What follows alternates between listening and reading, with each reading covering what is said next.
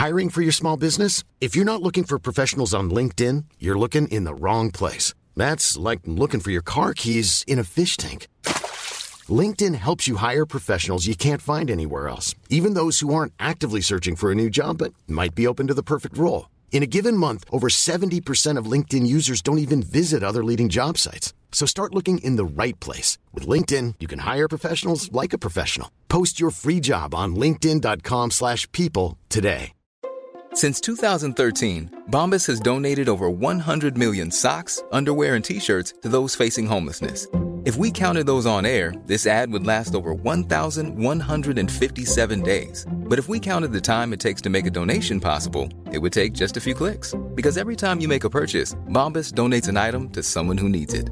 Go to bombas.com slash ACAST and use code ACAST for 20% off your first purchase. That's bombas.com slash ACAST, code ACAST. There's never been a faster or easier way to start your weight loss journey than with PlushCare.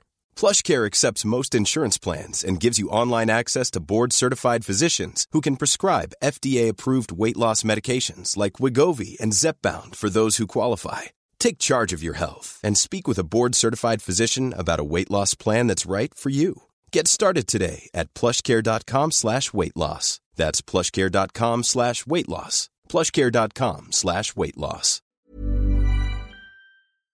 Helt siden de første menneskene slo seg ned i Trøndelag, har det blitt observert underlige lys over Hessdalen.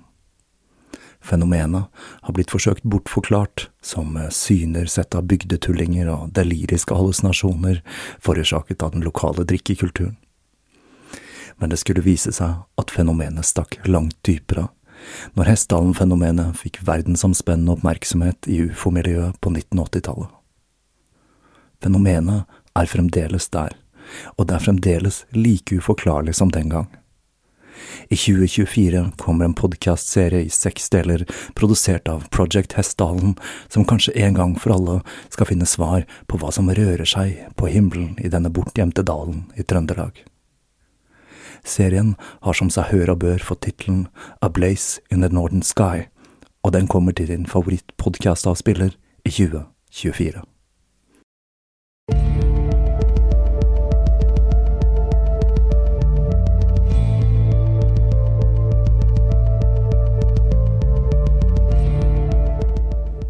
Hei og velkommen til Tåkeprat. Jeg heter Even, og når jeg tar opp denne episode 191, er det søndag den 29. mai 2022. Da var det endelig duket for den andre delen i denne serien. Den ble litt forsinket i forhold til sendeskjemaet mitt, da jeg presterte å gå skikkelig på trynet, noe som førte til at jeg forstuet en hånd, pådro meg whiplash og en liten hjernerystelse, og det gjorde det umulig å skrive og lese i noen dager. Men nå har jeg altså endelig klart å sy sammen denne delen, om enn med en hånd som er et par størrelser større enn vanlig. Jeg blir veldig frustrert når jeg ikke kan lese eller skrive, og med en tegneseriehånd så var det heller ikke mulig å spille, så for å fylle tiden så tok jeg et dypdykk ned i ufo-dokumentarer. Interessen for ufo-fenomenet det er en som går veldig i bølger for min del, da dette er et område som er så fullt av skrullinger og mangel på harde bevis at jeg fort går lei. Men nå var det akkurat en ny høring om ukjente flygende objekter i det amerikanske senatet, og igjen så har det kommet fram nye filmsnutter som viser at Forsvaret har kjent til fenomenet i en årrekke. Selv om jeg er overbevist om at ca 95% av alle ufo-observasjoner skyldes naturlige fenomener og observatøren ikke har forutsetninger for å forstå, så er det den siste 5% som skyldes noe vi ikke har en god forklaring på. Hva dette potensielt kan være, har jeg mange tanker og ideer om, men jeg skal la dem ligge, i alle fall i denne episoden. I tillegg til rapportene fra Forsvaret om hva som tilsynelatende er ukjente fartøy som beveger seg på måter som bryter, bryter med alt vi selv har muligheten til med vår teknologi, så er det jo en hel haug med luringer som dukker opp igjen og igjen i disse ufo-historiene, noen mindre troverdige enn andre en person som er veldig interessant i den kabalen, rett og slett fordi han er vanskelig å avfeie, det er eh, Bob Lazar. Jeg tror jeg anbefalte dokumentaren fra 2018 om han tidligere. Bob Lazar, Area 51 and Flying Saucers. Men jeg føler at det er en såpass artig film at den godt kan anbefales igjen. Det som er så enormt fascinerende med ham, er at eh, historien hans er som sakset rett ut ifra en X-Files-episode. Og det ser ut til at det er blitt gjort en rekke forsøk på aktivt å fjerne fortiden hans fra offentlige arkiver. Det er iallfall et filmtips om du som meg skulle ta deg et svalestup på asfalten og ha litt ekstra tid mellom hendene. Nå har jeg også tatt skrittet inn i det 21. århundret og gått i anskaffelse av et par NFT-er. Et fenomen som, i likhet med historien i denne serien, lukter litt svindel, men samtidig har potensial til å være noe mer. Jeg har lenge vært fascinert av kryptovaluta.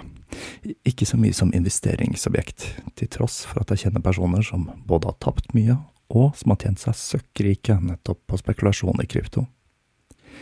Min interesse ligger mer i fenomenet som et desentralisert banksystem. Og det er jo fremdeles en rekke utfordringer med krypto, som energibruk og begrenset antall overføringer osv. Men det er noe i meg som liker det litt anarkistiske med det hele. NFT står for Non-Fungible Token, og det er en betegnelse på en digital vare som er knyttet til en av blokkjedene til kryptovalutaene. Dette gjør at det finnes kun én original digital kopi, at man kan følge eierskapet til denne, og at skaperen av varen får en prosentandel av all framtidig salg av den. Dere har sikkert fått med dere alle disse kryptoapene og alle de andre kontroversene rundt NFT-er. Og selv om jeg syns at denne teknologien har vært interessant, så har jeg ikke hatt noe brennende ønske om selv å eie NFT-er. Men etter et besøk på Galleri Fine Art i Oslo, hvor jeg bivånet en fotoutstilling der man blant annet kunne kjøpe et foto av ryggen til Kate Moss for nærmere en million kroner, så begynte jeg å tenke litt.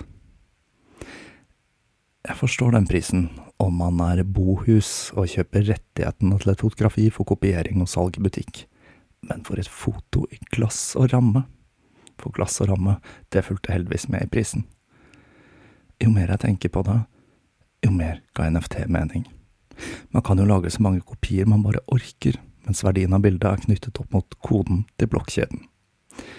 Så skjedde det at jeg satt her en dag og tittet på NFT-er, og ettersom hele kryptomarkedet har vært nede i en bølgedal, og NFT-enes verdi er knyttet opp mot nettopp kryptovaluta, så tenkte jeg at dette var et godt tidspunkt å kaste meg på bølgen. Mest bare for gøy, altså. Men jeg må si at jeg merker at det å handle kryptokunst er noe man lett kan bli hekta på, selv om det hele føles som en krysning av memer og kunst.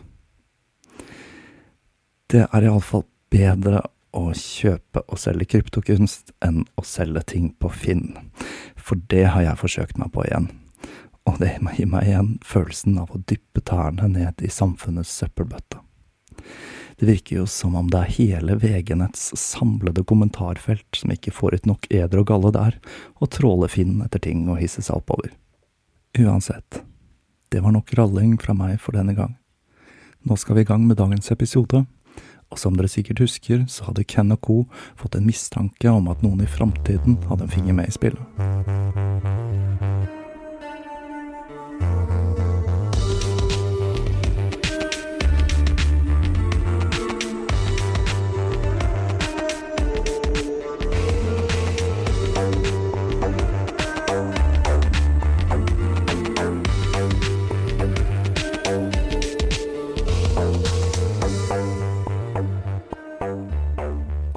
Ken sto nå overfor muligheten for at Lucas kommuniserte med to ulike tidsepoker, 1985 og nå også 2109. Kunne det mystiske diktet hele kommunikasjonen hadde startet med, ha stammet fra 2109? Skrivemåten var iallfall vesentlig annerledes enn beskjedene de hadde fått fra 1500-tallet.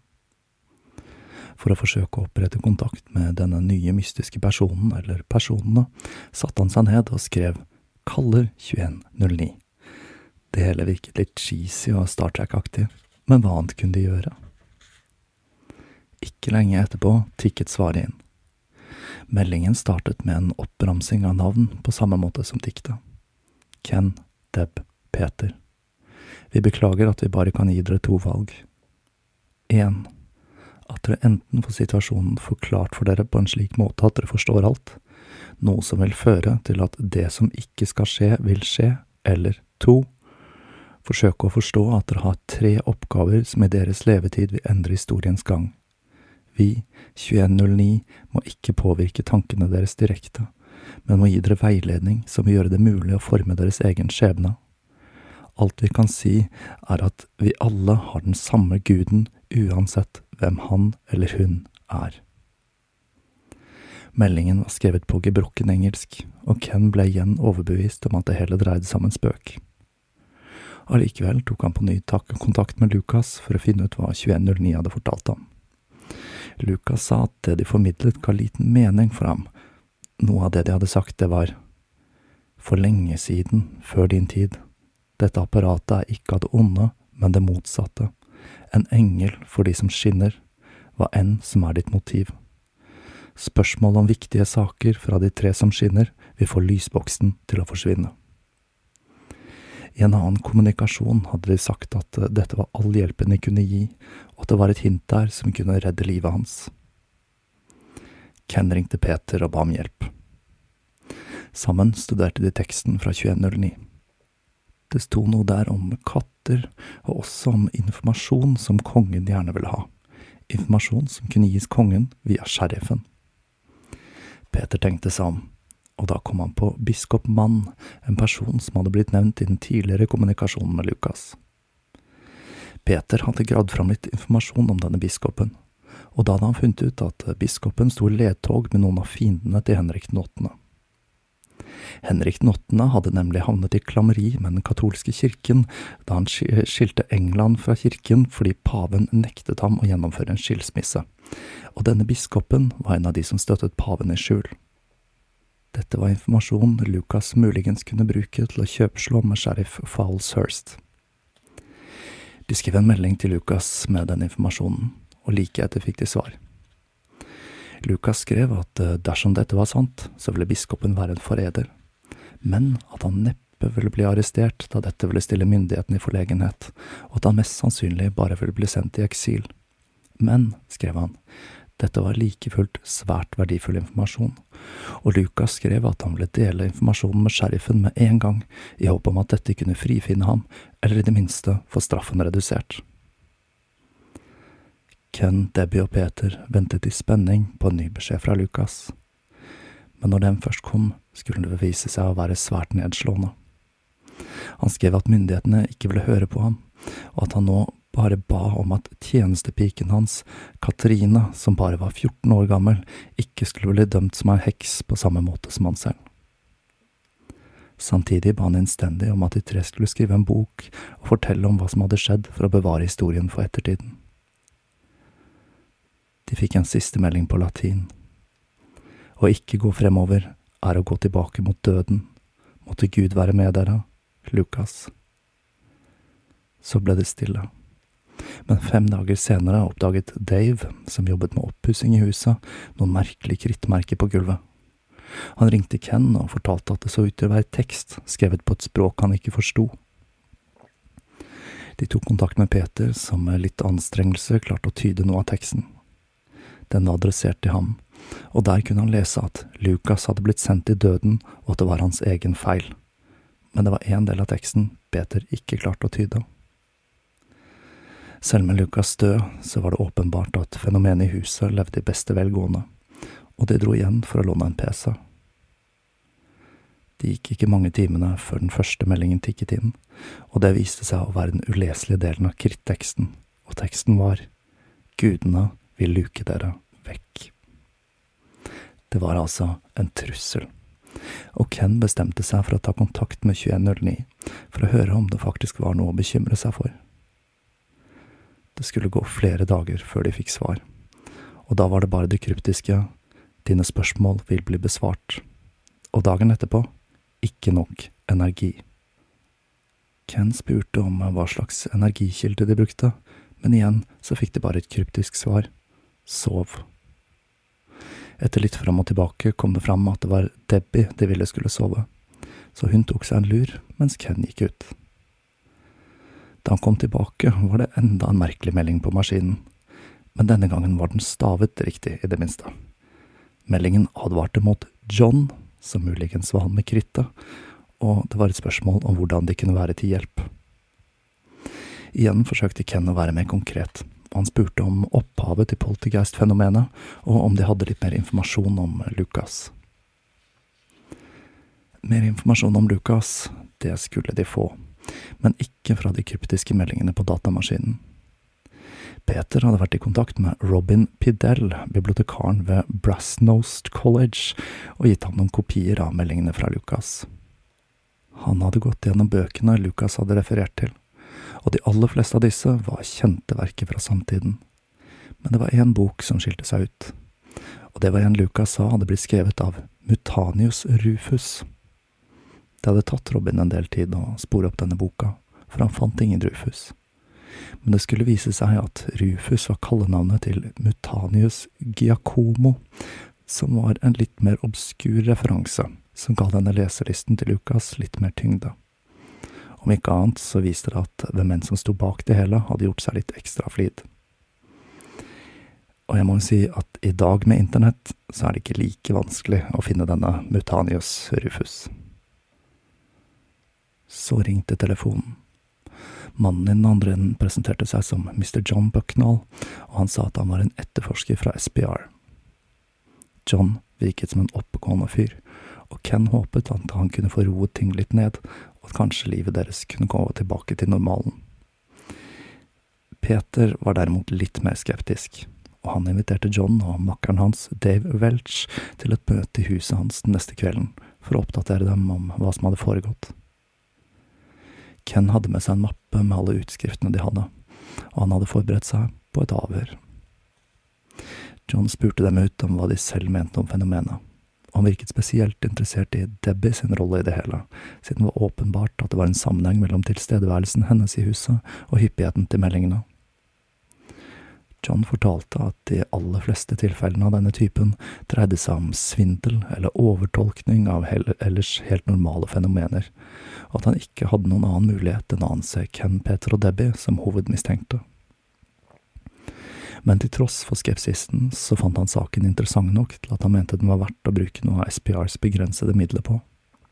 Etter møtet dro de på befaring til huset, og de to etterforskerne studerte rommene og BBC Micron, hvor Ken skrev inn beskjeden Flere gåter? spørsmålstegn. De så at første etasje var ganske sikker, men når Dave så seg rundt oppe, la han merke til loftsluka, og han spurte om loftet hang sammen med loftet til den andre delen av huset, for dette dreide seg nemlig om en tomannsbolig, noe Ken litt molefonkent måtte bekrefte at det gjorde. Så det var altså en mulighet for at en eller annen skøyer hadde tatt seg inn fra loftet, sneket seg inn på kjøkkenet og plantet meldinger på PC-en. Den 15. mai startet poltergeistaktiviteten for fullt igjen. Ken og Debbie hadde overnattet i huset hennes, og hun hadde kjørt ham til jobben før hun dro til huset. Hun enset at noe var galt når hun gikk opp til inngangsdøren. Når hun kom inn i stua, så fikk hun seg et sjokk. Alt møblementet var tilsynelatende kastet mot kjøkkendøren. Stoler, bord, verktøy og til og med noen av gulvflisene. Enda verre var det på kjøkkenet.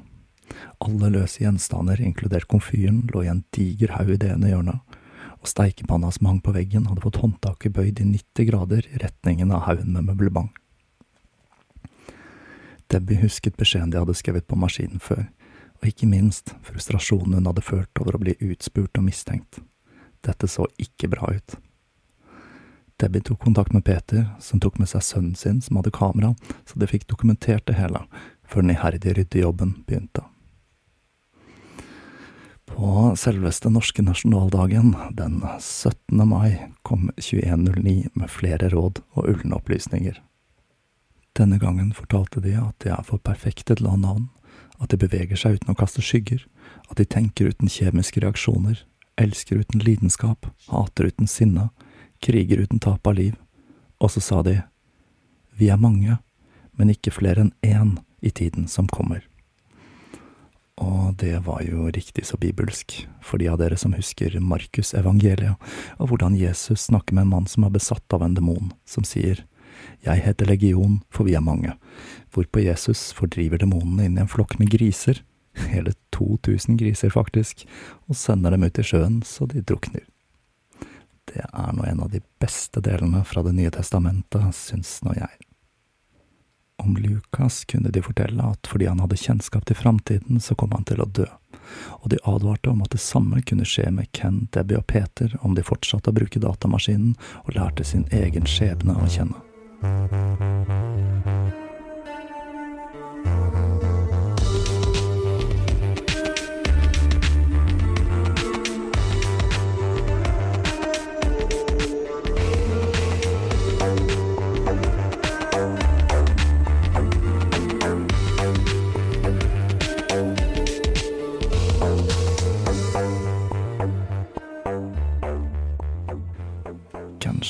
Å skrive et svar, men da tikket inn en ny beskjed.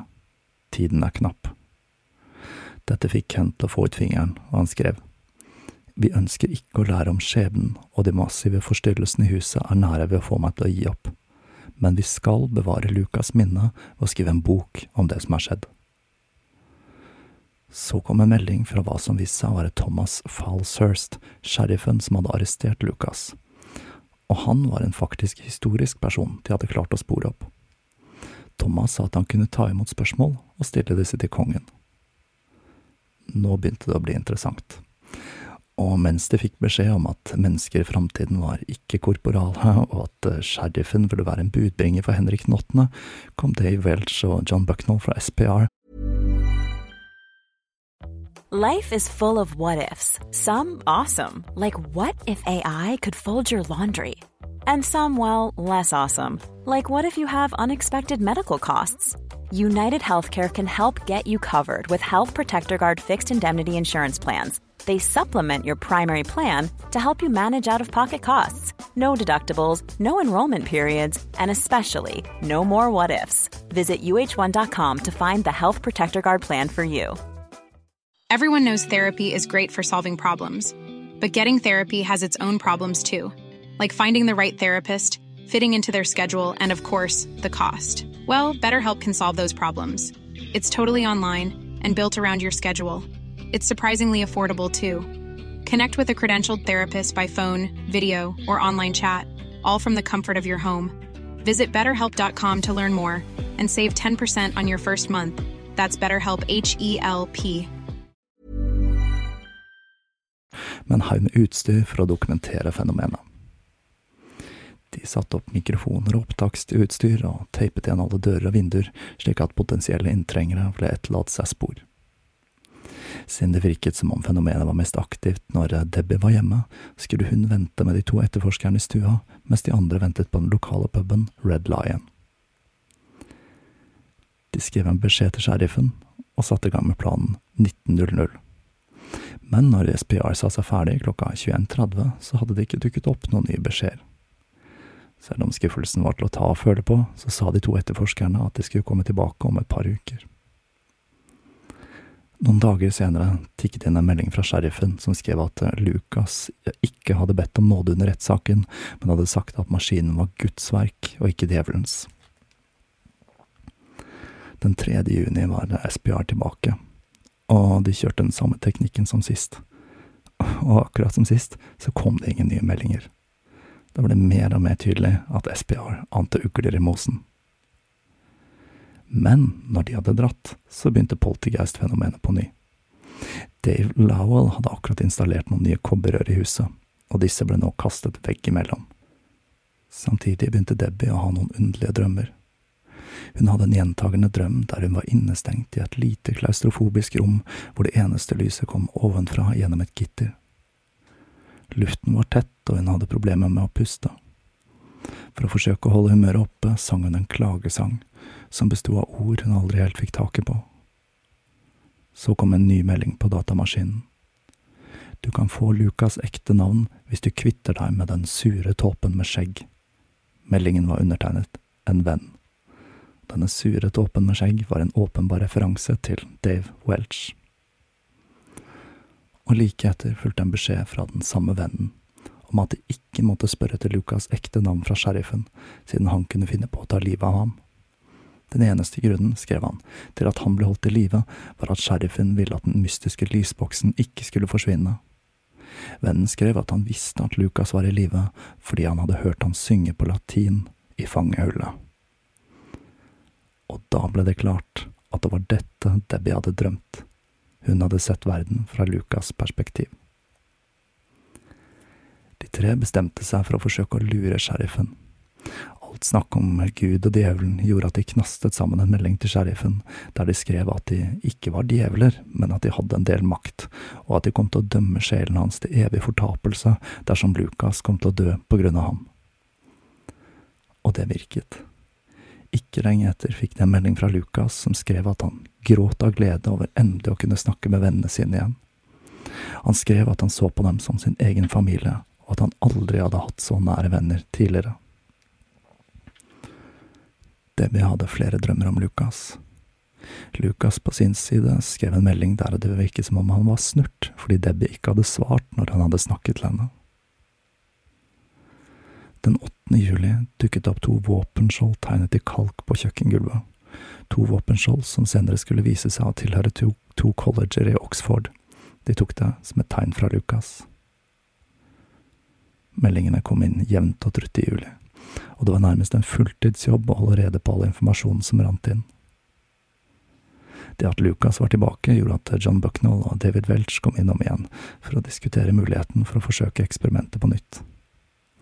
Peter foreslo at de skulle spørre Lukas først, og han skrev og spurte om det var greit at deres lærde venner stilte noen spørsmål. Lukas var skeptisk. Han lurte på hva som var motivet til de to, og han sa at sheriffen hadde fortalt at det var noen personer som gjorde slik at lyset forsvant, og Lukas undret seg på om dette ikke dreide seg om nettopp disse to. Dessuten var han redd for å bli brukt som et leketøy for fornøyelsens skyld. Men han skrev også at han stolte såpass på sine venner at han kunne gi det et forsøk. Peter på sin side forsøkte det beste han kunne å forklare situasjonen og beskrive de to det dreide seg om men til tross for at han sa seg villig til å samarbeide, så virket Lucas mer og mer skeptisk. Han lurte blant annet på hvorfor det var Debbie som skrev inn spørsmål for Peter. Når de på sin side spurte om hvordan han kunne vite at det var hun som gjorde det, og ikke Peter selv, så var han vag. Så kom han med en advarsel.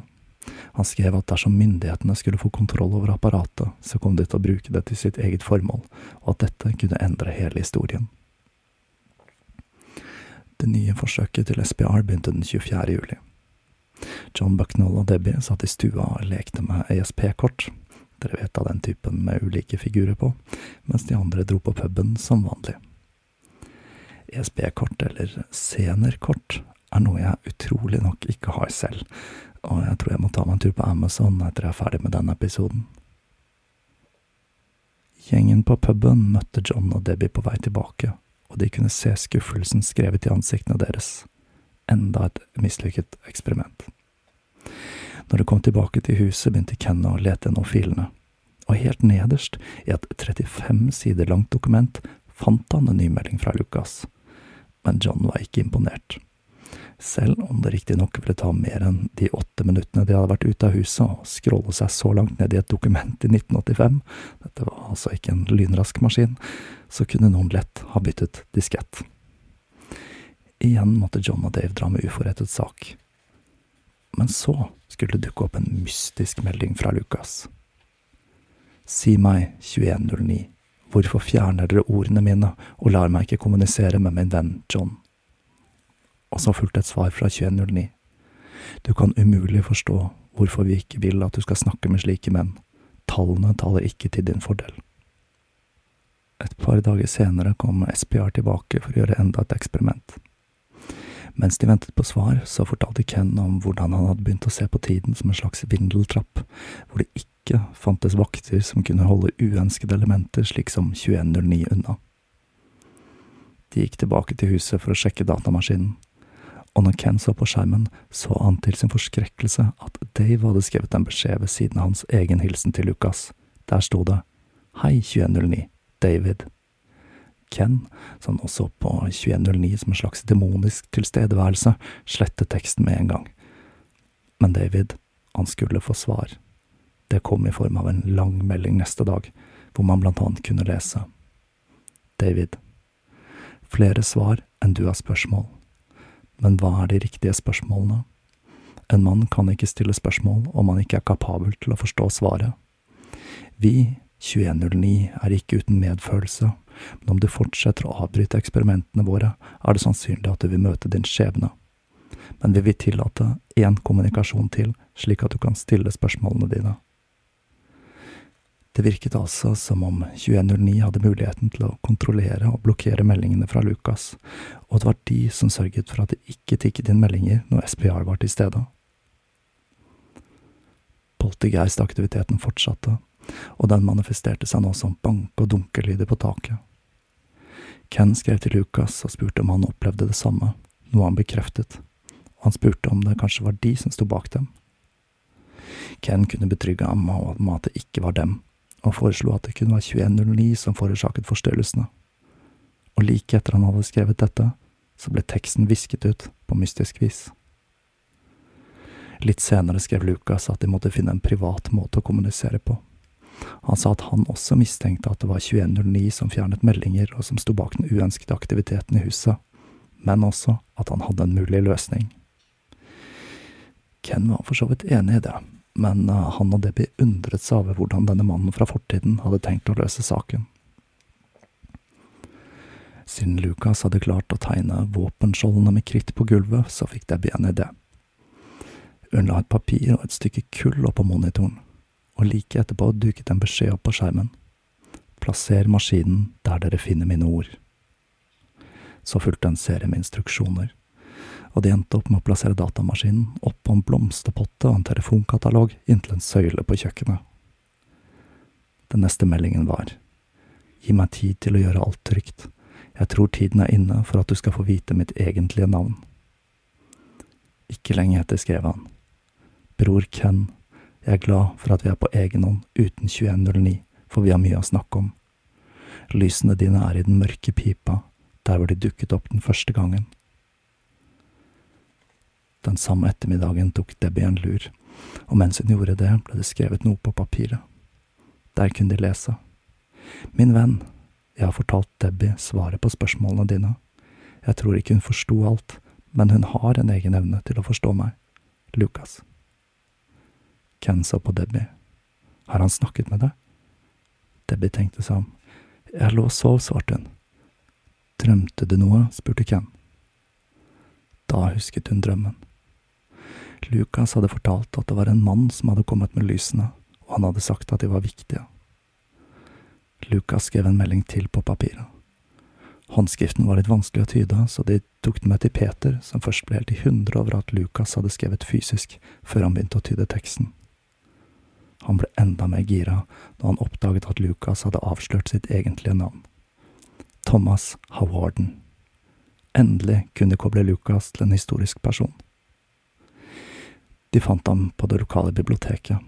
Thomas Howarden, eller Harden, begynte ved Brasnose College i 1530, men ble sparket ut i 1538 da han nektet å stryke ut navnet til paven som påkrevde Henrik den 8.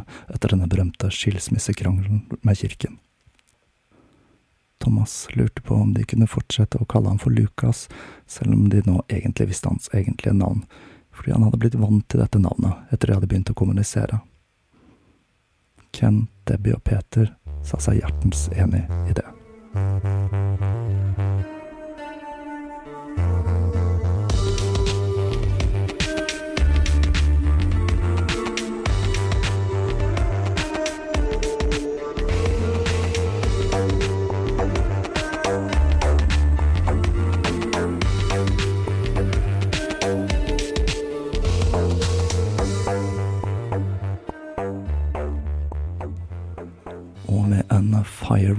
Form av et pipeløp på 1500-tallet som beskyttet mot påvirkningen til ikke-korporale vesener med en felles bevissthet fra framtiden, gir vi oss for denne gang.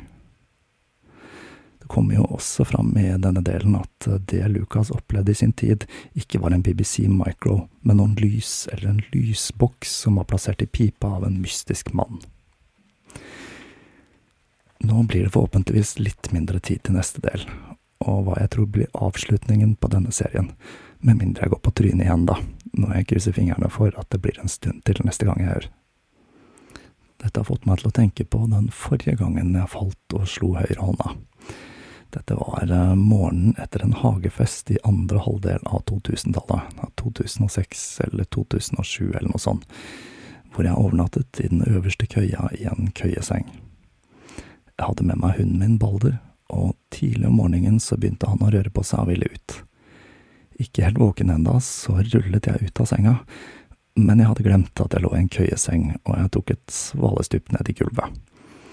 Det var ikke så mye det at det var så veldig høyt, men problemet var at tommelen min hadde kilt seg fast mellom madrassen og senga og ble bøyd 180 grader.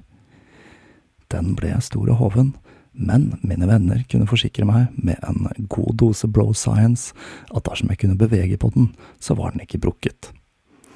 Jeg slo meg til ro med dette, og selv om den ble større og svartere for hver dag som gikk, så fortsatte jeg å spille gitar da jeg var midt i en låtskriveprosess. For kunsten må vi evig vike, som Kvist så fint sa det i 1996. Jeg skrev ferdig låta jeg holdt på med, men halvannen uke etterpå så gikk jeg til slutt til legen. Han ble ikke så blid og lurte på hvorfor jeg ikke hadde dratt rett til legevakta. Jeg husker ikke helt hva jeg svarte på det. Jeg fikk time til operasjon på sykehuset, men det var litt ventetid, gitt. Et helt år måtte jeg vente, og når jeg først troppet opp på Ullevål, så fikk jeg beskjed om at det var ingenting de kunne gjøre. Og det er grunnen til at jeg i dag har en litt skeiv tommel på høyre hånd. Grunnen til at jeg forteller denne historien, er at jeg kom på denne låta jeg skrev. Og når jeg hører på den i dag, så er jeg litt imponert over at jeg klarte å lage og spille denne med brukken tommel. Det var mye smerte involvert i låtskriveprosessen, for å si det sånn. Gitaren jeg brukte til dette, er for øvrig en av de tingene som ligger ute til salgs på Finn akkurat nå. Jeg tenkte det kunne passe å avslutte denne episoden med nettopp denne låta, som ble gitt ut på EP-en Assy Tales med kjellerbandet Møk fra Oslo i 2008. Ha i bakhodet at dette foregikk med brukken tommel på høyre hånd, og da gir jeg dere King of Kings fra 2008.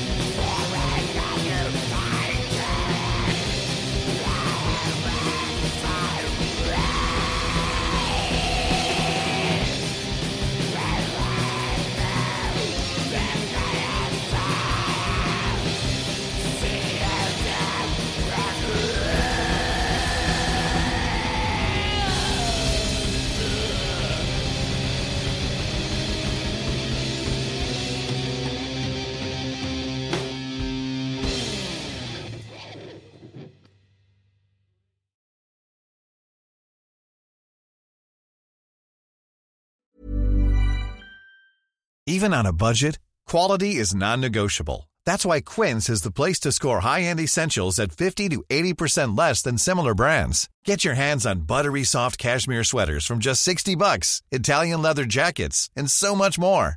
And the best part about Quince, they exclusively partner with factories committed to safe, ethical, and responsible manufacturing. Elevate your style without the elevated price tag with Quince. Go to quince.com slash upgrade for free shipping and 365-day returns. Hey, it's Paige DeSorbo from Giggly Squad. High quality fashion without the price tag. Say hello to Quince. I'm snagging high-end essentials like cozy cashmere sweaters, sleek leather jackets, fine jewelry, and so much more. With Quince being 50 to 80% less than similar brands. And they partner with factories that prioritize safe, ethical, and responsible manufacturing. I love that. Luxury quality within reach. Go to quince.com slash style to get free shipping and 365 day returns on your next order. Quince.com slash style.